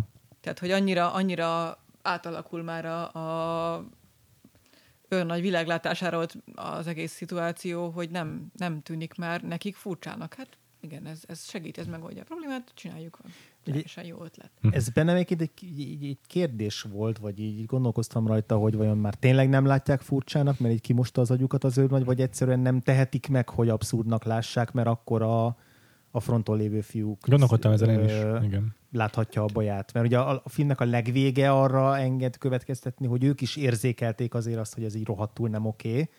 De úgy is lehet értelmezni a film legvégét, hogy, ők, hogy, hogy már annyira izé, feladtak mindent, hogy nekik most már ez is mindegy. Hát szerintem az anyuka esetén őt nem érdekelte semmit, csak a fia. Mhm. Tehát ugye, amikor van az a viszonylag intenzív veszekedős jelenet, amikor ott a, a dobozokban kötnek ki, és akkor, akkor mondja ki, hogy őt nem érdekli senki, csak a fia. Tehát, hogy most ő, ő, ő magasul leszarja, hogy a férjét hogyan alázzák Ja, meg, vagy mennyire kell megalázkodnia, hogy tök Tényleg. mindegy, hogy ő itt most ezen a pici falu tűzoltó kapitányaként ő most éppen méltóságát elveszíti, hát kit érdekel, kit érdekel a méltóság, hogyha a fia élete a kérdés. Ja. Úgyhogy ő lehet, hogy nem. Hát Ágika meg kezdettől fogva elég furcsán kezeli az egész szituációt, Igen. úgyhogy Ja. ő egy teljesen Ja. Az Ágika, szerintem így a szerintem ezt a filmet így különböző diktatúrákra lehet értelmezni, de hogy így arra gondolok, hogy a, a, a, a tűzoltó, az a tótúr, mondom, megfeltethető szerintem egy ilyen a puha diktatúra képen, mondjuk, ha most azt veszem, hogy mindig más analogiát fogok használni, mert nincsenek egy, nem egy tök egyértelmű analógia ez a film egy valós helyzetre, de mondjuk azt mondjuk, hogy ott van Oroszország, Lenin, van egy tök erős személyi kultusz vele kapcsolatban, majd ezt csak Lenin meghal. És jön egy elmebeteg, szociopata Sztálin utána, és vele kapcsolatban is kialakul a személyi kultusz. Tehát egyszerűen így tovább folytatódik a dolog, és ugyanaz a személyi kultusz övezi, és minden, amit ő fejébe vesz, ugye mondjuk láttuk-e a Stalin halálát, hogy milyen idiótaságokra volt képes, az itt tök természetes, mert, mert, mert a kultusz annyira erős, hogy áthúzolozzuk az agyunkat, csak hogy, csak hogy tudjuk imádni a, a, a diktátort. Szerintem simán van egy ilyen, ilyen amit az AGK-ban látunk. Uh-huh. Hát biztos, hát az elején is ugye, ahogy bemutatja, hogy hogyan viszonyul az apjához, hogy így a szellőben, a napcsillogásában, Igen. a harmadcseppen, a virágon, tök Igen. mindegy, mindenben az apját látja. Igen. És ez fordulhat ugye nagyon hamar abba, hogy hát egy katonatiszt. Igen. Ja. Az Ágikánál nagyon fura, hogy egyrészt végig olyan, mintha nem tudom, 7-8 éves lenne, Igen. Ja. de közben van egy ilyen Ágika is horny jellegű ve- vetület, hogy így teljesen izé rá, rákattan a, az őrnagyra így szexuálisan is, de hogy úgy szexuálisan, hogy közben, mint hogy egy tényleg ilyen, ilyen Gyermeki. kisiskolás Hát ilyen- gyermek. A, ez a gyermeki felnézés, meg apokomplexus vegyül azzal, hogy közben már így szexuálisan is, mint hogyha így beleszeretne, vagy álmodozna izé az őrnagyúról, és hogy viszont ak- akkor, amikor befekszik mesztelenül az ágyába, az viszont pont egy olyan pillanat, amikor érzi, hogy ha ezt most nem teszi meg, akkor, akkor, akkor az apja megszívja, vagy tehát, hogy ez ott konkrétan Ez igaz. figyelem elterelésnek használja, Tehát akkor mégiscsak mégse tehát akkor, naivitással még, mégse, tehát akkor mégiscsak érti valamennyire, hogy mi történik, Ja. azon a ponton legalábbis. Igen, De ott- addig én azt éreztem, hogy az Ágika az, aki a legőszintébben rajong. Ja, ja, tényleg, ténylegesen. igazad a- van egyébként, igen. Ez, egyébként nekem, nekem ez most ezen a legutóbbi tekintésnél tűnt föl. Tehát én egészen eddig úgy emlékeztem erre vissza, hogy ő akkor azt a szituációt használja, hogy nincs senki otthon. Ja, Mhm. Ja. De nem, Ja. de nem, ez Nem. arról szól, hogy Ez valami módot akar találni rá, hogy hogyan tudja lekötni a, Igen. az őr nagy figyelmét. Tényleg. Tényleg. Hát valószínűleg így a, a sokadik nap, amikor már hullafáradtan ö, nem tudnak aludni, és, és magukról se tudnak jóformán, az már azért ő benne is kikezdi, és elkezdi kérdőre vonni, meg egy szkepticizmus elkezd benne kialakulni az őrnaggyal kapcsolatban, az ágikában. Tehát lehet, hogy apránként őt is ö, egyszerűen felébreszti a szituáció. Hm. Meg szerintem benne, talán az, nekem az volt a legérdekesebb, hogy e, ő tesz talán legtöbbet ahhoz, hogy az egész történet kapjon egy ilyen mesei színezetet. Ugye azt hiszem, a, valami oly- olyasmi volt a- az alcíme a, a, a filmnek, hogy e, 20. századi mese. Ja. És ugye a, a Ja. narrátor is ilyen na- nagyon mesei, ilyen joviális, öreg úr stílusban meséli el ezt a szörnyű történetet, vagy komikus történetet, ugye ahogy Ja. nézzük. És közben meg ott, ott, ott van a, az Ágika karaktere, aki egyszerre 8 éves, a, a, Hmm. vagy egy reak- reakciója alapján, a, a karakteri elvileg ez a tínédzser korosztály, ugye a, a. Vence, Vence valami 20 éves volt, tehát ez ilyen na- nekem nagyon furcsa volt egy. Ö, De hogy szóval hogy a a narrátor meg Ájká vagy ilyen nagyon ilyen furcsán mesei vonása lett az egész filmnek. Igen. A- Cofos kislány. Tehát, Igen. hogy Ja, igen, igen, igen. De tényleg olyan, mint a magyar népmesében. Igen, abszolút, hogy tehát a, Tűzről fel van hogy a haja megvan, abszolút nagyon tipikusan ilyen mesei. És a magyar népmesség az tök horni volt. Tehát és ha, has, hasonlóan szörnyen értek általában véget. Igen. Beszéljünk egy másik aspektusáról egy picit a filmnek, mert szerintem az is érdekes, ahogyan a PTSD-t egyáltalán megjeleníti ez a film. Tehát ugye arra számítanak a család, hogy, hogy majd megjelenik az őrnagyúr, és akkor egy ilyen dal, daliás délceg fickó lesz, és az első látunk belőle, hogy így magába roskadva ö, meg se szólal. És hát rengeteg motiv, vagy momentum van a filmben, amikor hirtelen így ö, azt képzeli, hogy a harctéren van, és nem tudom, bombázás várható, és hasonlók. Ö, és szerintem ez nem csak egy ilyen geg, hanem egy tök, tök fontos aspektusa ennek a történetnek, hogy a, az őrnagyúr az folyamatosan ezzel a posztraumás stresszel küzd. Ti erről mit gondoltatok? Hát egyrészt azt, hogy, amit említettél is, hogy tök jó, hogy szól róla. Uh-huh.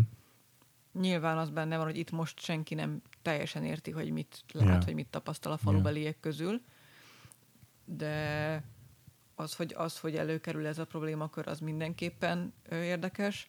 Én azon gondolkodtam még közben, hogy vajon ebben a félőrült állapotában mennyi igazán tudatos az ő cselekedeteiből. Mhm. Tehát, hogy vajon ő Mhm. felfogja-e Mhm. azt, hogy ő egészen pontosan mit kíván meg, vagy Ja. mi, mi, milyen, mit jelent az, amiket ő kér. Illetve, hogy amiket, ahogyan manipulálja a családot, az mennyire tudatos. Igen, tehát, hogy én nem egy-két szituáció van, amikor tudatosnak hat, de egy csomó, a legtöbbenél szerintem nem az. Szerintem sem. Szerintem sem. Tehát, hogy ő nem feltétlenül egy gonosz karakter itt, hanem egy ténylegesen sérült valaki, aki Ja. hát egy nagyon rossz korszakában van. Igen. Nekem az azért, mondj csak Dominik nyugodtan. Ö, igen, nekem is ez, ez, ez volt talán a legfurcsább benne, hogy um, nyilván egy, egy harctérről érkezik, és, és a harctér, meg az egész katonai környezet az teljesen átformálta a személyiségét, és szö- szörnyen traumatizálta, um, és ezáltal gyakorlatilag egy olyan szituációt tud elképzelni, a- amit ismer, amiben komfortosan mozog, a harctéri szituáció, és hogy mindent úgy uh, alakít át, ami neki megfelel, tehát Aha. hogy a, a, nem tudom, az ajtók átfestésétől kezdődően a, a, a mo- monoton, dob, dobozolásos munkáján át mindenben igazából azt látja, hogy mi, mi, mint hogyha ha- harctéren a saját bakáit éppen ne- nevelné vagy képezné ki, Hm. e, és hogy, hogy ez e, a katonaságnak vagy az egész harcnak ez a személyiségformáló e, ereje, hogy tényleg gyakorlatilag innentől kezdve ezek az emberek már nem tudnak más szituációban működni, csak a katonaiban. Ez a magyar szarvasvadász. Ö, tényleg. Ez volt nekem az új nagy felismerésem. És amúgy itt nek az is egészen érdekes, hogy ő úgy, mint a falusbeliekhez képest világi ember, azért elég sokszor tűnik úgy, hogy lenézi őket, vagy tehát, hogy nyilván egyszerű emberek, de hogy Aha. ezt Aha. azért ki is fejezi, hogy hát igen, egy csomószor csak Ágika érti meg, hogy mire utal, és akkor Ágika megmondja a választ, és hogy milyen okos kislány Tényleg. Ágika. Viszont amikor ott van a kocsmai jelenet, ahol leül és előadhatná a fantasztikus, el, hát előadja a- valószínűleg szerinte fantasztikus gondolatait, igazából egy tök értelmetlen monológot nyom le. Igen. Tehát, Igen. hogy az a szöveg ott, az nem jelent semmit, nyilván odaadásra hallgatják, mert muszáj, de hogy az ő tudása, az ő kompetenciái eddig a harctéri monoton dolgig terjednek, és tovább nem. Tehát, hogy Isten igazából nincsenek neki nagyon összetett gondolatai, vagy, vagy nem sokkal intelligensebb, mint Mhm. a falubeliek, csak nyilván ő azt gondolja magáról, Igen. de ott, ott amikor gondolkodhatná out of the box, nem sikerül neki, mert, mert nem tud egy, egy értelmes gondolatot összehozni a dobozolás világ megváltó hatásairól. Az az érdekesebben szerintem, hogy ez a két réteg, hogyha mondjuk nézzük a- egyrészt a, a filmen belüli ö, részét, és nézzük a, az általános olvasatát, Ja. akkor ez a kettő, ez igazából az általános olvasatban nem leválik egymásról. A, a, furcsa, az, hogy a igen. PTSD, meg a, a hatal, elnyomó hatalom allegóriája. Szerintem Tehát, hogy, is. hogy nem lehet azt úgy összerakni, hogy az elnyomó hatalmak azért működnek úgy, hogy működnek, mert egy sérült, torzult, Vagy traumatizál. izé, vagy Igen, traumatizált igen, sem helyzetből állnak föl, mert ez nem, ez, ez hülyeség. Ja. De hogy a, hogy a, a karakter szinten viszont szuper jól működik, hogy a, hogy a Latinovics Zoltán karakter, az őrnagyúr, ő egy traumatizált helyzetből jön, ettől sokkal izgalmasabb karakter, sokkal több humorforrás is van benne, de van benne egy ilyen valamiféle pátoszszerűség, de egyszer, egyszer jól működik ez a háttér ahhoz, hogy ő, mint, hogy ez a karakter, aki a frontról jön, ő ennyire egy teljes roncs, és azáltal, hogy egy teljes roncs, ebből lélektanulag következik, hogy ő mert szerintem is nem, ő nem egy szadista gonosztevő, hanem egy, egy emberi roncs, aki tényleg békére vágyik, és ott viszont annyira cafatokban vannak az idegei, hogy, hogy felkapja a vizet mindenem meg. Tehát, hogy ahogy viselkedik, az, az ebből fakad. Ja. És hogy nekem tök érdekes, hogy igazából működik a film így, ahogy van, de hogy közben meg igazából ott van egy ilyen, egy ilyen ék, vagy egy ilyen, nem mondom logikai hibának, Ja, de ja. alapvetően mondhatnánk azt, hogy az, ami működik a karakter szinten, az igazából nem működik allegorikus szinten. Nekem ebben egy picit itt ilyen szempontból kilóg ez a PTSD, de alapvetően ez egyáltalán nem zavar, mert tök jól működik a film így, ahogy van, csak érdekes, hogy ez ezt nem lehet beépíteni mondjuk ebbe az allegórikus Ja, ez nekem is, nekem is furcsa. Viszont egy, én azért annyival, annyival szerintem helyre tudom remélem benne tenni ezt a dolgot, hogy semmiképp sem tudom összefonni a kettő narratívát, de de mesél a háborúról ezen keresztül, Abszolút. és ez egy tök másik, ö, Másik olvasata a filmnek, egy síkja. másik abszolút, síkja, de, abszolút. de marha érdekes, hogy egyszerre Mhm. a kettőről tud egy, egy Igen. narratívát fűzni az örkény. Igen, és nem kell ennek hézagmentesen összeállni, ja, semmi szükség rá. Egyetértek. Szerintem amit itt megfogalmaz, az örkény nyilván teljesen magát ötetődő dolog az, hogy a háború az így kicsinálja az ember, de hogy ezt tovább viszi egy kicsit örkényennél azért azzal, hogy az is látjuk a háborúról, hogy az Tóth család saját gyerekét reméli, hogy majd pozícióba kerül a, a frontvonalon. Tehát, hogy a háború az egy, az egy, az egy lehetőség a közembernek, Mm. ami egy rettenető szörnyű dolog, szerintem. És ö, a film végére az, hogy spoiler alert, a tóték végeznek az őrnaggyal, az, az ő PTSD-jének a hatása a tótékra szerintem, hogy egyáltalán képesek fegyvert emelni és megölni valakit, az amiatt van, hogy a háború indirekt módon őket is tönkreteszi. Mondom, hogy ez, Mhm. ez a magyar szarvasvadász, ez így... Ugye ne, ne, hazaviszed a háborút, és, és, és nem tudod ö, Mhm. nem tudod levetközni, nem tudod, el, nem tudod otthagyni a frontvonalon, Mhm. uh-huh. és ezzel a rajtad, vagy a körülötted élőket, a, a, a körülötted lévőket is ö, tönkreteszed. Hát és olyannyira, hogy most szintén erre próbáltam megint jobban figyelni, hogy, hogy vajon meg jók az emlékeim, de hogy nem tudják meg az esetig, hogy Gyula már nem él. Ja, ja igen. Hát én a, igen. annak idején úgy emlékeztem, hogy hát akkor már valami értesítőt megkapnak, és igen, hogy ott van közben a jelenet, hogy jön a, a leltár, meg a, Ja. a, a mindenféle üzenetek, de azokat egyiket se kapják meg. Igen. Úgyhogy És ezt, ezt nem a egy- nem döntést egy ilyen úgy hozza bosszú. meg. Igen, ez nem bosszú, meg nem az, hogy jó, hát akkor most már mindegy, hanem hogy anélkül, hogy, hogy Anélkül is már nem bírják tovább. Tehát, hogy- Igen. anny- annyira elfogy a cérna, és, és annyira vágta a centit már tót vissza, hogy mikor megy el az őrnagyúr, hogy csak azzal, hogy visszajön, és akkor folytatni akarja ott, ahol abba hagyták, az, az, az elég már ahhoz, hogy eljusson abba az állapotba, hogy na jó, akkor ő neki ez már nem éri meg. Ha a Igen. fiával akármi is van, tök mindegy. Mhm. Igen. Mhm. Igen. Mhm. És már többieknek se. Tehát, hogy nem és, az és van, nincs hogy a többiek azt mondják, nem fogják hogy le, igen. nem mennek utána. Ja. Ja. És utána még azzal meg is dicséri a felesége, hogy te mindig tudtad, mi a jó, hogyan kell jó, mik, mik a jó döntések, vagy nem tudom pontosan, mit Igen, mond. igen, igen. Ami megint egy így, hát akkor visszamegyünk ebbe a diktatúrába, hogyha abban, abban az olvasatban próbálom Aha. nézni ezt a jelentet, hogy akkor a má- másik, Amúgy igen, másik tehát, elnyomatalom, az is jó. Tehát vo- voltak ilyen értelmezések is, hogy ez a tót is alapvetően egy elnyomó hatalom. Aha, Tehát, hogy ez, aha, aha, aha. mert, a, mert a faluban ő az, aki, Hát ja. aki a mindenki fölött áll, és aki Ja. ugye rajongásig szeretnek többen a faluban. Nyilván mindenki tiszteli, meg, meg becsüli, de hogy elég sokan vannak, akik rajongásig szeretik. ugye kezdve a postás fiúval, aki nem, ezért nem visz ki rossz híreket. Ja. És tök jó, hogy a postásról beszélünk, mert szerintem van még egy elnyomó ha- ha- hatalom a filmben, a postás, aki, aki Az igazából információnak aki az információt tartja vissza, gazdája. és, és, és, és nem, nem engedje a, a, az emberekhez, ami által az emberek tök máshogy működnek, mint ahogy valójában működnek. Ezt jó, nyilván 69-ben ilyet nem lehet, eh, vagy 69-ben nyilván nem erre gondoltak, de hogy ezt így 2021-ben csak egy médiakritikaként tudom, meg egy ilyen fé, fé, Nehogy- nehogy azt hitt, hogy nem lehetett.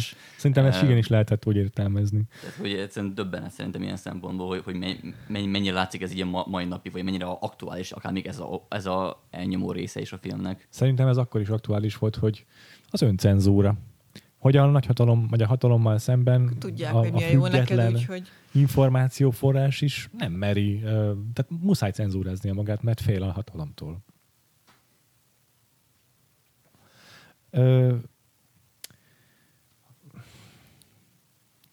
De a, utána, amikor megtudják, hogy meghalt a fiúk, akkor utána még mondanak valamit, ez mi is volt? Nem, nem emlékszem, hogy mi, de van egy ilyen nagyon keserű, keserű mondatot még, ami, ami a, tudjátok, ha megkapják a gyereknek a, a holmiait, azzal kapcsolatban nem hangzik el valami nagyon, nagyon Szerintem nem, azt hiszem, Fú. a vége az a dátum, ami, Ja, a, amikor datálják azt, amikor megküldték, hogy melyik napon Ja, jó, küldték. meg valami a- úgy emlékeztem, ott még van valami. Nekem úgy emlékszem, csak akkor ugye csak a, a elég az a fényképnek fénykép. az elégetése van, Igen. ami Mhm. a, Ja, akkor, akkor lezárja. emlékeztem. Még egy dolog, amiről akartam beszél- beszélni így a, a filmmel kapcsolatban, hogy ez tényleg nekem mennyire ilyen gyerekkori dolog. Tényleg nem, egy, nem olyan sokszor láttam, vagy nem, nem, nem ilyen értelemben mondom. De tényleg azok közé a filmek közé tartozik, ami ilyen családi szókincsnek a része, vagy így a, a családi beszélgetés ennek a része tudott lenni, és ezt úgy, hogy nem idéztünk tudatosan a filmből szerintem, de tényleg úgy, ahogy a tanúsokaknál szerintem egy ilyen, vagy te is mondtad Eszter, hogy, hogy ez így, ezzel nőttetek fel, mindenkinek vannak ilyen filmjei, hogy így ilyen belsős poénokat szülnek, és nálunk, mondom, szerintem nem volt ennyire expliciten meg ez, de most esik le, így felnőtt fejjel nézve, hogy a, tehát egy észak-magyarországi faluban játszódik ez a sztori, és így Örkény szerintem tudatosan próbálta egy a regionális szókincset felhasználni, meg ahogy beszélnek a karakterek, azok ilyen vidékiesen beszélnek, egy csomó, tényleg nem csak így a kiejtés, hanem a, a konkrét dialektus szintén. És én meg Nyugat-Magyarországról származok, hogy totál más, hogy használják a, tehát egy csomó helyi olyan kifejezés van, amit így Budapesten nem is értenek az emberek, és mégis a mi családi, helyi, lokális, abszolút minimál kis, kis közösségben, a szókincsünkben egy csomó dolog volt benne ebből a filmből. Nem, amíg nem, nem izé, Vas, meg Zala, meg Veszprém megye környéki kifejezések, hanem tényleg a film. Tehát az őrkéntől jönnek. És, ö, és szerintem az azért van, mert szerették a szüleim ezt a filmet. És így az, hogy az emberek itt nem megörülnek, meg megbolondulnak, hanem meghömbölödnek, az innen jönnek. Ez így, ezt így használtuk. És egy csomó, csomó ilyen szófordulat, amíg nem feltétlenül a dialektussal kapcsolatosak, csak ilyen már nem tudnék egyet sem felidézni most konkrétan, de egy csomó ilyen, ilyen szófordulat a filmben, amik idézhető ö, csattanók, azokat nálunk használták a szüleim. Úgyhogy így ö, ilyen hatásra is nálunk abszolút meg volt ennek a filmnek, és mondom, ezért is mondtam az elején azt, hogy, hogy ez tényleg azok közé a filmek közé tartozik, amik ilyen meghatározók, és, és, és a szókincsükhöz hozzájárulnak. Én szeretnék még beszélni kicsit a Fábrinak a rendezéséről. Igen. A filmnek a filmnyelvéről, mert Igen. hogy tök érdekes, hogy miközben néztem, vagy az volt az érzésem, hogy, hogy egy csomó olyan furán esetlen a film, Mit, mit ugye vannak benne ilyen dolgok, hogy mondjuk becsapnak egy ajtót, és picit később érkezik meg a hang. Tehát ez, az- ez az klasszikus ilyen utószinkron eset, esetlensége a filmnek, és valamiért most a nézésnél én ezzel raktam párba egy-két képi megoldást is, hogy a legszembetűnőbb az, amikor egyszer csak eltűnik valaki a, a, a képről. Hogy így nagyon nem tudtam nézni, ez most egy szándékos koncepció, vagy valami nagyon véletlen fura dolog, vagy egy szándékos koncepció véletlen fura megvalósítása. És, ö, és ez, a film végig nem tudtam így, így ezt helyre rakni magamba, és aztán olvastam, a, a Clark Davidnak volt még a régi Indexen egy évfordulós cikke Jó. a, az Isten hozta őrnagyúról, és hogy ő mondta, hogy hát akkor már dübörgött a francia új hullám, és hogy ez igazából Basszus. pont, hogy egy ilyen tök radikális nyelvi kísérlet, filmnyelvi kísérlet, az összes ilyen dolog, a kimerevített képek, amikor fotóként merevednek Igen, ki egy, egy igen, kulcs igen, pillanatban a igen. szereplők, ez, az el, ez, a, ez, hogy valaki így eltűnik a képről egy ilyen, Ja. egy ilyen zavarba Jump ejtő cut-tal. ritmusú vágással, a ilyen Benny Hill-es felgyorsított rohangálások, amiket én mondom, vagy esetlenségnek véltem, vagy ö, vagy, Vagy így, hibának? Vagy- Á, nem is hibának, inkább ilyen bohózatszerű megoldásnak, de hogy valami abszolút nem jutott eszembe a francia új hullám, Hát mint a keret. korszakban, abban a korszakban ilyet látni. Igen, Ja. igen, igen. De hogy ez, Valahogy ez, a ez magyar- például utólag én teljesen átkeretezte a... a Na, ez tényleg érdekes, ez nekem jutott eszembe az új hullám. Én csak arra gondoltam, hogy a magyar vigyátékokban valamire Timár Péter I- miatt ez így igen. benne van. Igen. És De hogy az meg elvileg később jön, Sokkal, tehát sokkal. igen. Igen, igen. Én, Nagyon én is inkább ebbe a hagyományba Ja. illesztettem be az Szerintem még az indul a bakterházban is van felgyorsított Mhm. rohangálós jelenet. Igen. De igen, ezek a furcsa ilyen jump cutok, hogy valaki egyszer csak eltűnik a képbe, vagy pont, hogy felbukkan, főleg a végén is ilyen. Ez marha érdekes. Nekem is így egyszerre furcsa volt, de így nem, nem voltam benne biztos, hogy ezt csak azért csinálja, hogy ez egy ilyen vizuális gag, Gag, akar lenni. igen. De például a végén, amikor, amikor, a, amikor az önagyat megölik, és ott vannak ilyenek, az meg egy abszolút megint a PTSD-t jutatja Mhm. eszembe, hogy így vannak pillanatok, amikor így elborul az agyad egy pillanatra. És nem emlékszem, mi történik veled, és egyszer csak visszajössz a szobába, de úgy, hogy megöltél közben egy embert. Igen, hát vagy akár a retusálás is, tehát az, hogy bármikor vagy a cenzor, vagy bármikor kiradírozhatnak abból a valóságból, amiben Ja. vagy, és utána már nem leszel ott többet. Ja. És hogy igazából ezek tényleg teljesen tudatosak, mert hogy vannak olyan jelenetek, amikor az egyik szereplő beszélget valakivel, kirohan a szobából, lemegy a lépcsőn, és kint a ház előtt már ott vannak azok a szereplők, akikkel beszélgetett, és közben eltelt egy napszak. Tehát, hogy nagyon szándékosan és tudatosan Ja. tényleg ugyanúgy játszik a Fábri ezekkel a téridő kontinuitásbeli dolgokkal, mint a, mint a Godárdék. Wow. Aha. Nekem, ne, nekem még ami, ami ahova ezt, ezt hozzá tudtam csa- csatolni, az inkább a, a filmnek a meseisége, meg az a fajta Aha. abszurditás, hogy, hogy jön a hatalom, és akkor ettől kezdődően semmi sem normális, semmi sem valóságos, mm-hmm. vagy, vagy mi, minden áthalad valamiféle ilyen, ilyen változáson, tehát ahogy tényleg az árokásás is, hogy, hogy a, a látszatban a valóság lesz, és hogy nekem ezek is abszolút ezek a filmnyelvi megoldások oda passzolnak, hogy Igen. így, így mi, mind, egyszerűen kicsúszik a valóság a téridő szövetéből, hmm. és minden ilyen nagyon furcsává válik. Igen. De volt egy-két ilyen egészen hosszú egy snittese is egyébként Fábrinek, mit tudom, bejön valaki a szobába, ahol éppen dobozolnak, és akkor így egy kamera így vándorol, gondolom ott kézikameráznak, és akkor egyszer csak így megállapodik valamelyik szereplő arcán, a Tóth Úrén, vagy nem tudom, de egészen bravúros mozdulatok is voltak benne. Mondjuk azért ez kifejezetten olyasmi, amit, amit szerettek csinálni a korabeli rendezők, tehát mondom, tanú is tele van ilyenekkel egyébként, de hogy ez így látszik, hogy ezt így ö, már a korban nagyon tudatosan használták az ilyen bravúros és nitteseket a rendezők nálunk. Amiről még szerintem egy kicsit beszélhetnénk, az a, a dobozolás. Egy jelen, rendkívül jelentős része a filmnek. én, én benne a mostani megtekintés alatt az merült föl, hogy honnan volt egy idő után papírjuk. Tehát igen, igen, az, igen, igen. Az megvan, hogy el is hangzik, hogy azért kerültek gondba, mert hogy a, a, a dobozokat elszállító igen. autó az nem tudom, csak két hetente vagy ja. havonta jön, és azért felgyűltek a dobozok, és nem tudták elvitetni. De, De hogy biztosan nem volt náluk annyi papír, hát ja. biztos, hogy nem hagynak ott előre annyi alapanyagot. Igen. De, de egyébként az, hogy ugye először a házban telepakolva vele, aztán nyilván az udvar is, ezzel az egészen labirintusszerű ja. megoldással, ez is egy olyan teljesen elborult dolog, amit, uh-huh. amit nem is, nem is igazán értek, hogy hogyan lehetett ott elfogadni. Tehát, hogy senki nem tett rá megjegyzést, és ez egy nor- teljesen normálisnak tűnt, hogy igen, ott ja. akkor lesz ember magasság fölöttig felpakolva egy halom doboz, és ez így, ez van is. Ja. És egy idő után meg lehordják, és így a folyóba bedobják, mert hogy nincs hova tenni, de hogy ahhoz képest keveset visznek el. Tehát, hogy egyébként itt, itt a, az arányok, a mennyiségek, azok sehol nem stimmeltek. Uh-huh, uh-huh. Tehát, hogy Persze, igen. Itt, itt is azt, azt annak az egyik jelét láttam, hogy a valóság mennyire szét van csúszva, hogy így, ha az ember belegondol, hogy mennyi idő alatt nagyjából mi történik, hogy semmi nem stimmel. Tehát semmelyik, semmelyik mennyiség nem stimmel. Igen.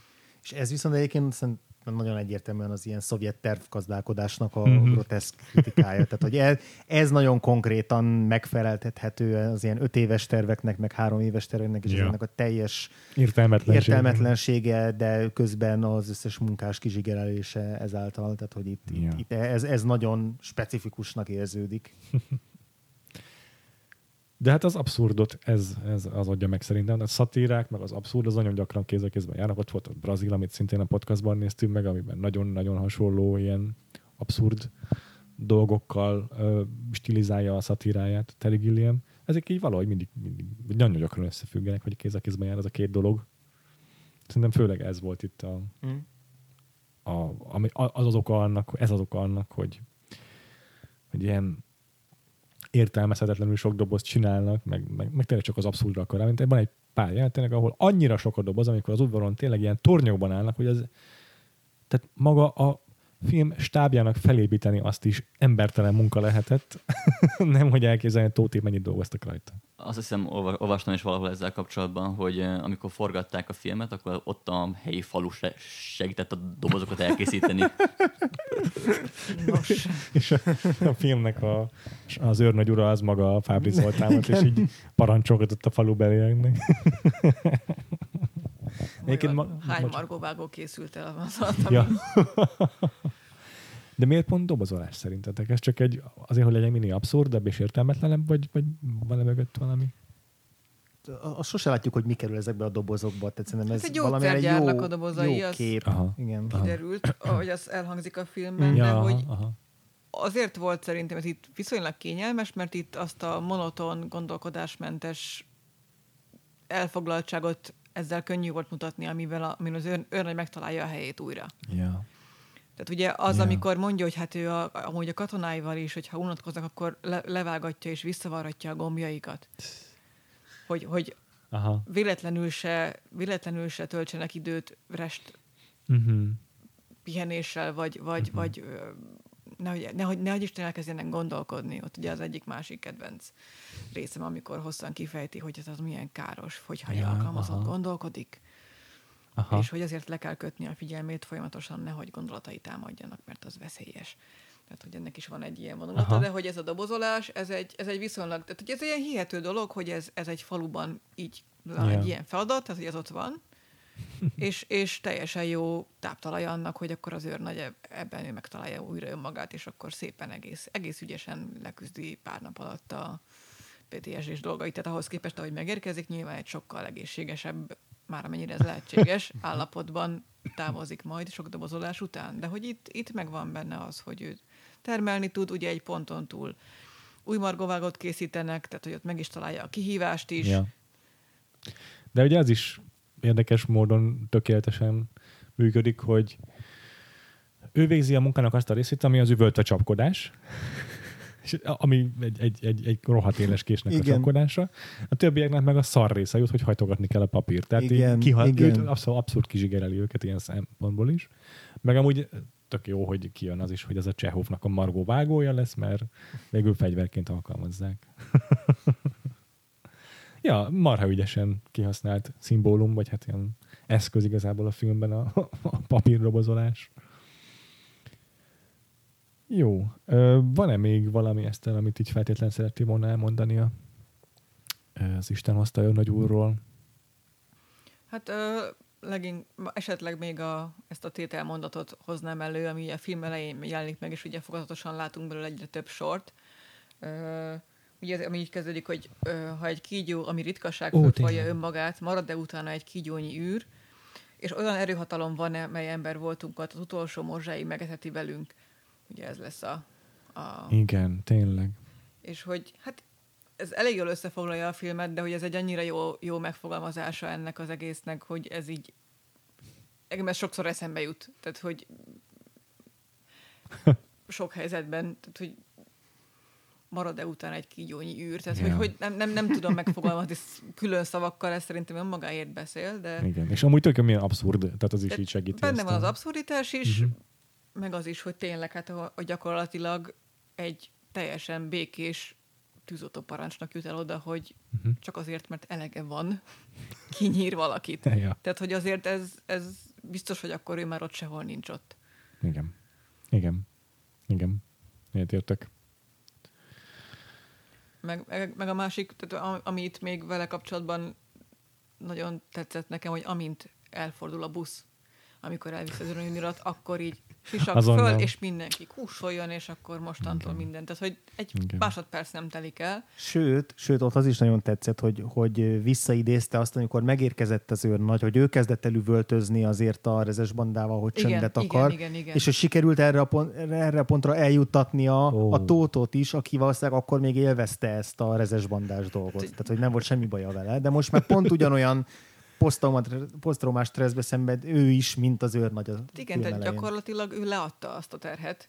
Itt az embereknek, igen, ez, Rájuk ez nem eltűnt, igen. ez igen. csak átalakult, de igen. hogy igen. Igen. gyakorlatilag ott hagyott mindent, amit magával hozott. Ja, így lett, így lett ő jobb, jobb mentális állapotban. Igen. Át, átestáltam másokra a saját PTSD. Igen, és ott már ugye azért gyakorlatilag szinte löki fel a buszra az őrnagyot. Tehát, hogy igen. ott, ott már azért enged magának ennyit, hogy hogy sietteti, tehát hogy az is egyébként egy merész dolog, mert ha ezt észrevette volna az őrnagy, akkor abból is lett, lehetett volna Aha. a probléma. Aha. De ott már annyira nem érdekli, hogy, hogy akkor menjen. Kb. utána földobja, vagy nem is tudjuk utána dobja, hogy előtte dobja be a, a csomagjait a buszba, ja. de hogy talán még előre is, hogy így, na, akkor haladjunk, és, és, Aha. és utána nem kell nyilván azt megvárja, amíg befordul hát ha akkor még halótávolságon belül van, és utána lövi le a rezes bandát. Tehát még az utolsó pillanatig kitart, de a legesleg végén már azért Sinkovics iszonyatosan jó akkor... fizikai komikus. Nagyon-nagyon Abszolút. jó.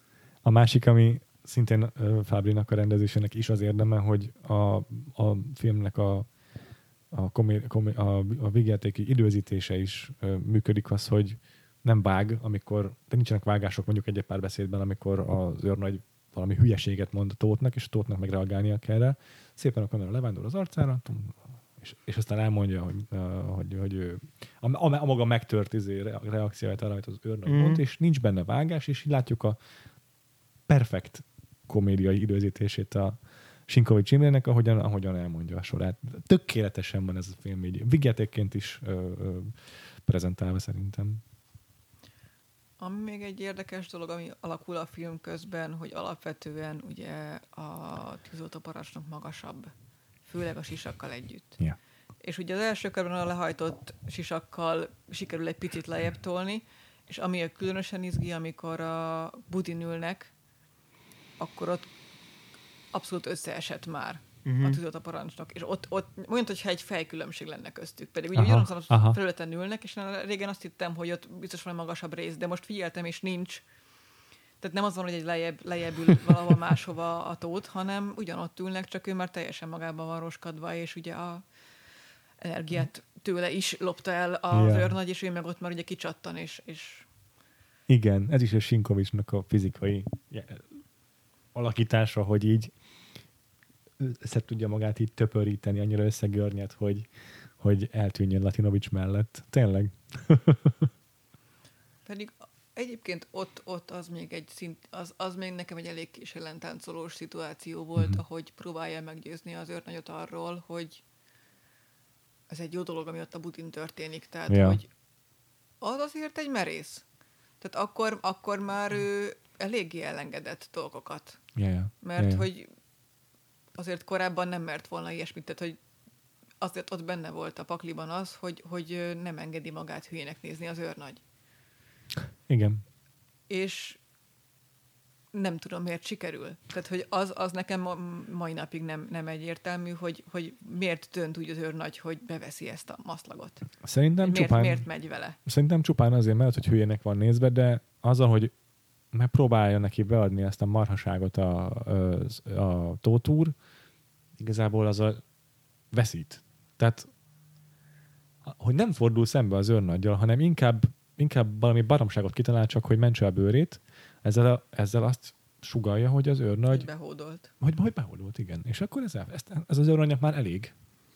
Hát végül is így elé lett téve a lába elé az ajándék, úgymond. Uh-huh. És akkor És plusz, amit megmond, az meg rímel arra, hogy a, ahogy az őrnagy érzett, amikor megérkezett, mert hogyha nem azt mondaná, hogy a, ő a csendet élvezi itt, akkor valószínűleg nem sikerülne ez a... ez mondjuk jó. Ne, igaz, nem ez is trükknek is igaz. mondom, mert itt a, itt, a, itt a tót már nem trükközik, itt már teljesen, neki már teljesen minden mindegy, és Ja. őszintén beszélt, tehát neki ténylegesen, ő ténylegesen azért ül ott a budin, mert élvezi a csöndet, ez nem hát egy... már neki van PTSD-je. Igen, igen, tehát ő itt már nem Ja. próbál manipulálni, de hogy, de hogy igen, ez, ez, ez tehát hogy az, hogy, a, hogy az őrnagy ebből nem azt hallja ki, hogy előle menekült el, hanem az, hogy csak a csöndet kereste, meg a nyugalmat, meg a békét, hogy valahogy Lehet. e, ez pont Aha, elég volt ahhoz, hogy, hogy ne a, ne a ránézve kellemetlen ö, Ja, oldalát Ja. hallja ki ennek a gondolatnak. ez is igaz. Igen. Meg szerintem a, valahogy az egész Szovjetunió működése is egy ponton túl gyakorlatilag ebbe fordult át. Tehát, hogy amikor már jobb volt elfogadni azt, hogy nem tudom, itt az emberek azért vannak saját gondolataik, meg izé, de hogy azért nem konfliktus szít, szítani, tehát mm-hmm. hogy, hogy nem, nem kikényszeríteni Aha. az Aha. emberekbe, hogy de én tudom, hogy ti nem ezt gondoljátok, és tudom, hogy ti ellenem akartok fordulni, nem inkább úgy, úgy fo- fo- fogadjuk el mind a ketten, hogy jó, hát itt mind a ketten érezzük, hogy itt van valami hülyeség, de hogy ez azért így a látszat, az sokkal fontosabb, mint ami a valóság mögötte. Igen, ez is nagyon igaz. De egyébként az is így benne lehet, ha nagyon akarok hunyorítani, hogy így a hatalomnak, a, a diktátoroknak mindig van egy, vagy elég gyakori a, a, a, a diktátor státusz, vagy a nagyhatalmi státusz a, a narc, elég gyakran együtt jár a, a narciszizmussal. És mondjuk a VIP sorozat, az, az, az nagyon szépen illusztrálja azt, hogy, hogy a hatalomban lévő alelnöknő, őt, így- ő így soha nem lehet hibás semmiért. Tehát ő, hogyha bármilyen szituáció van, biztos, hogy nem ő tehet róla. És, és neki is mindig csak azok a, nem is, le is pattan róla minden kifogás, amivel, vagy minden olyan ürügy, vagy kifogás, ami, ami esetleg őt helyezné abba a szituációba, abba a helyzetben, hogy ő hibás lehet bármiért. Egyszerűen nem, azokat nem veszi magára. Nem, egy sorra, át- egyik fülénben, másikon ki.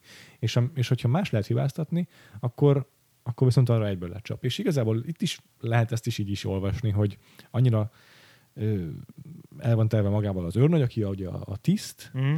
a, aki ahhoz van szokva, hogy utasítgatja a kiskatonákat, hogy, hogy fel sem merül benne, hogy ő miatta menekült oda a tótúr, minden más érvet azonnal inkább el tud fogadni. Vagy ha felmerül benne, akkor ugye ez, az a, ez a pszichológiában ez a, nem tudom olyan magyar, de ez a sebezhető narcisztikus személyiség, ez a vulnerable narcissism, ö, aki nem azért narcisztikus, mert tényleg annyira egoista, hanem mert annyira sérülékeny a személyisége, annyira törékeny a személyisége, hogy egyszerűen úgy húzalozta át az agyát, hogy semmiképp se lehessen ő a hibás semmiért, mert akkor azonnal összetörne a saját személyisége. És lehet, hogy ez is benne van. Na jó. Volt még bármi más Eszter, amit szerettél volna? Jó van. Hát én úgy érzem, hogy sikerült alaposan kibeszélnünk ezt a filmet. Mondjuk ki azért. András azt mondta ugyan, hogy így, így megveregetni az őrkönyvállát az ilyen milyen már, de azért tényleg rohadt jó meg ez hát a nem? film. és rohadtul meghoztál kedvem ahhoz, hogy, hogy újból őrkényeket olvassak. és persze Fábri Zoltán filmjeihez is, de ez a Vakfolt podcast keretében még meg is történhet, hogy pótolunk tőle dolgokat. Mm, apropó, mm. érdemes is követnetek bennünket a patreon.com per Vakfolt Podcast oldalon azért is, mert ott hamarosan meg tudjátok, hogy milyen terveink vannak a jövőre nézve a Vakfolt Podcastban. Úgyhogy a patreon.com per Vakfolt Podcast oldalon található a támogatói közösségünk, egyre gyarapszik, és egyre több tartalmat tudnak a támogatóink pluszban meghallgatni tőlünk, azon túl, amit itt a Vakfoltban hallhattok. Úgyhogy nézzetek fel erre a támogatói oldalunkra, ezen kívül pedig a Vakfolt podcastot ne felejtsétek el követni a kedvenc lejátszó alkalmazásotokban. Fenn vagyunk a Google-on, az Apple-on, a Spotify-on, a YouTube-on is. Most már a YouTube-on és a Spotify-on is lehet ilyen kis csengettyűvel jelezni, hogy értesítést kértek az új adásainkról, szóval semmiképp sem maradjatok le az újakról. És akkor Eszter és Dominik, ti is mondjatok el, hogy benneteket, ha lehet követni valahol, akkor hol lehet? Engem leg, legkönnyebben az ekultúra.hu felületén lehet megtalálni, emellett pedig fel, fel vagyok én is a Twitteren, a Dominik Blasír account alatt. Én is leg, leginkább a Twitteren vagyok elérhető, bár aktívan olvasok, de Aha. írni keveset, Aha. De, de mindenképpen megtalálható vagyok ott. András, téged hogy lehet követni? Twitteren a legkönnyebb Gains alsóvonás név alatt, illetve Letterboxdon szoktam még néha logolni, amikor épp eszembe jut. Ja. Most, most egész, egész jó szinten vagyok, talán egy, egy, egy-két filmet nem Szép. logoltam, de a, a kriti, kritika vagy review írásról már borzalmasan leszoktam. Sajnos én is.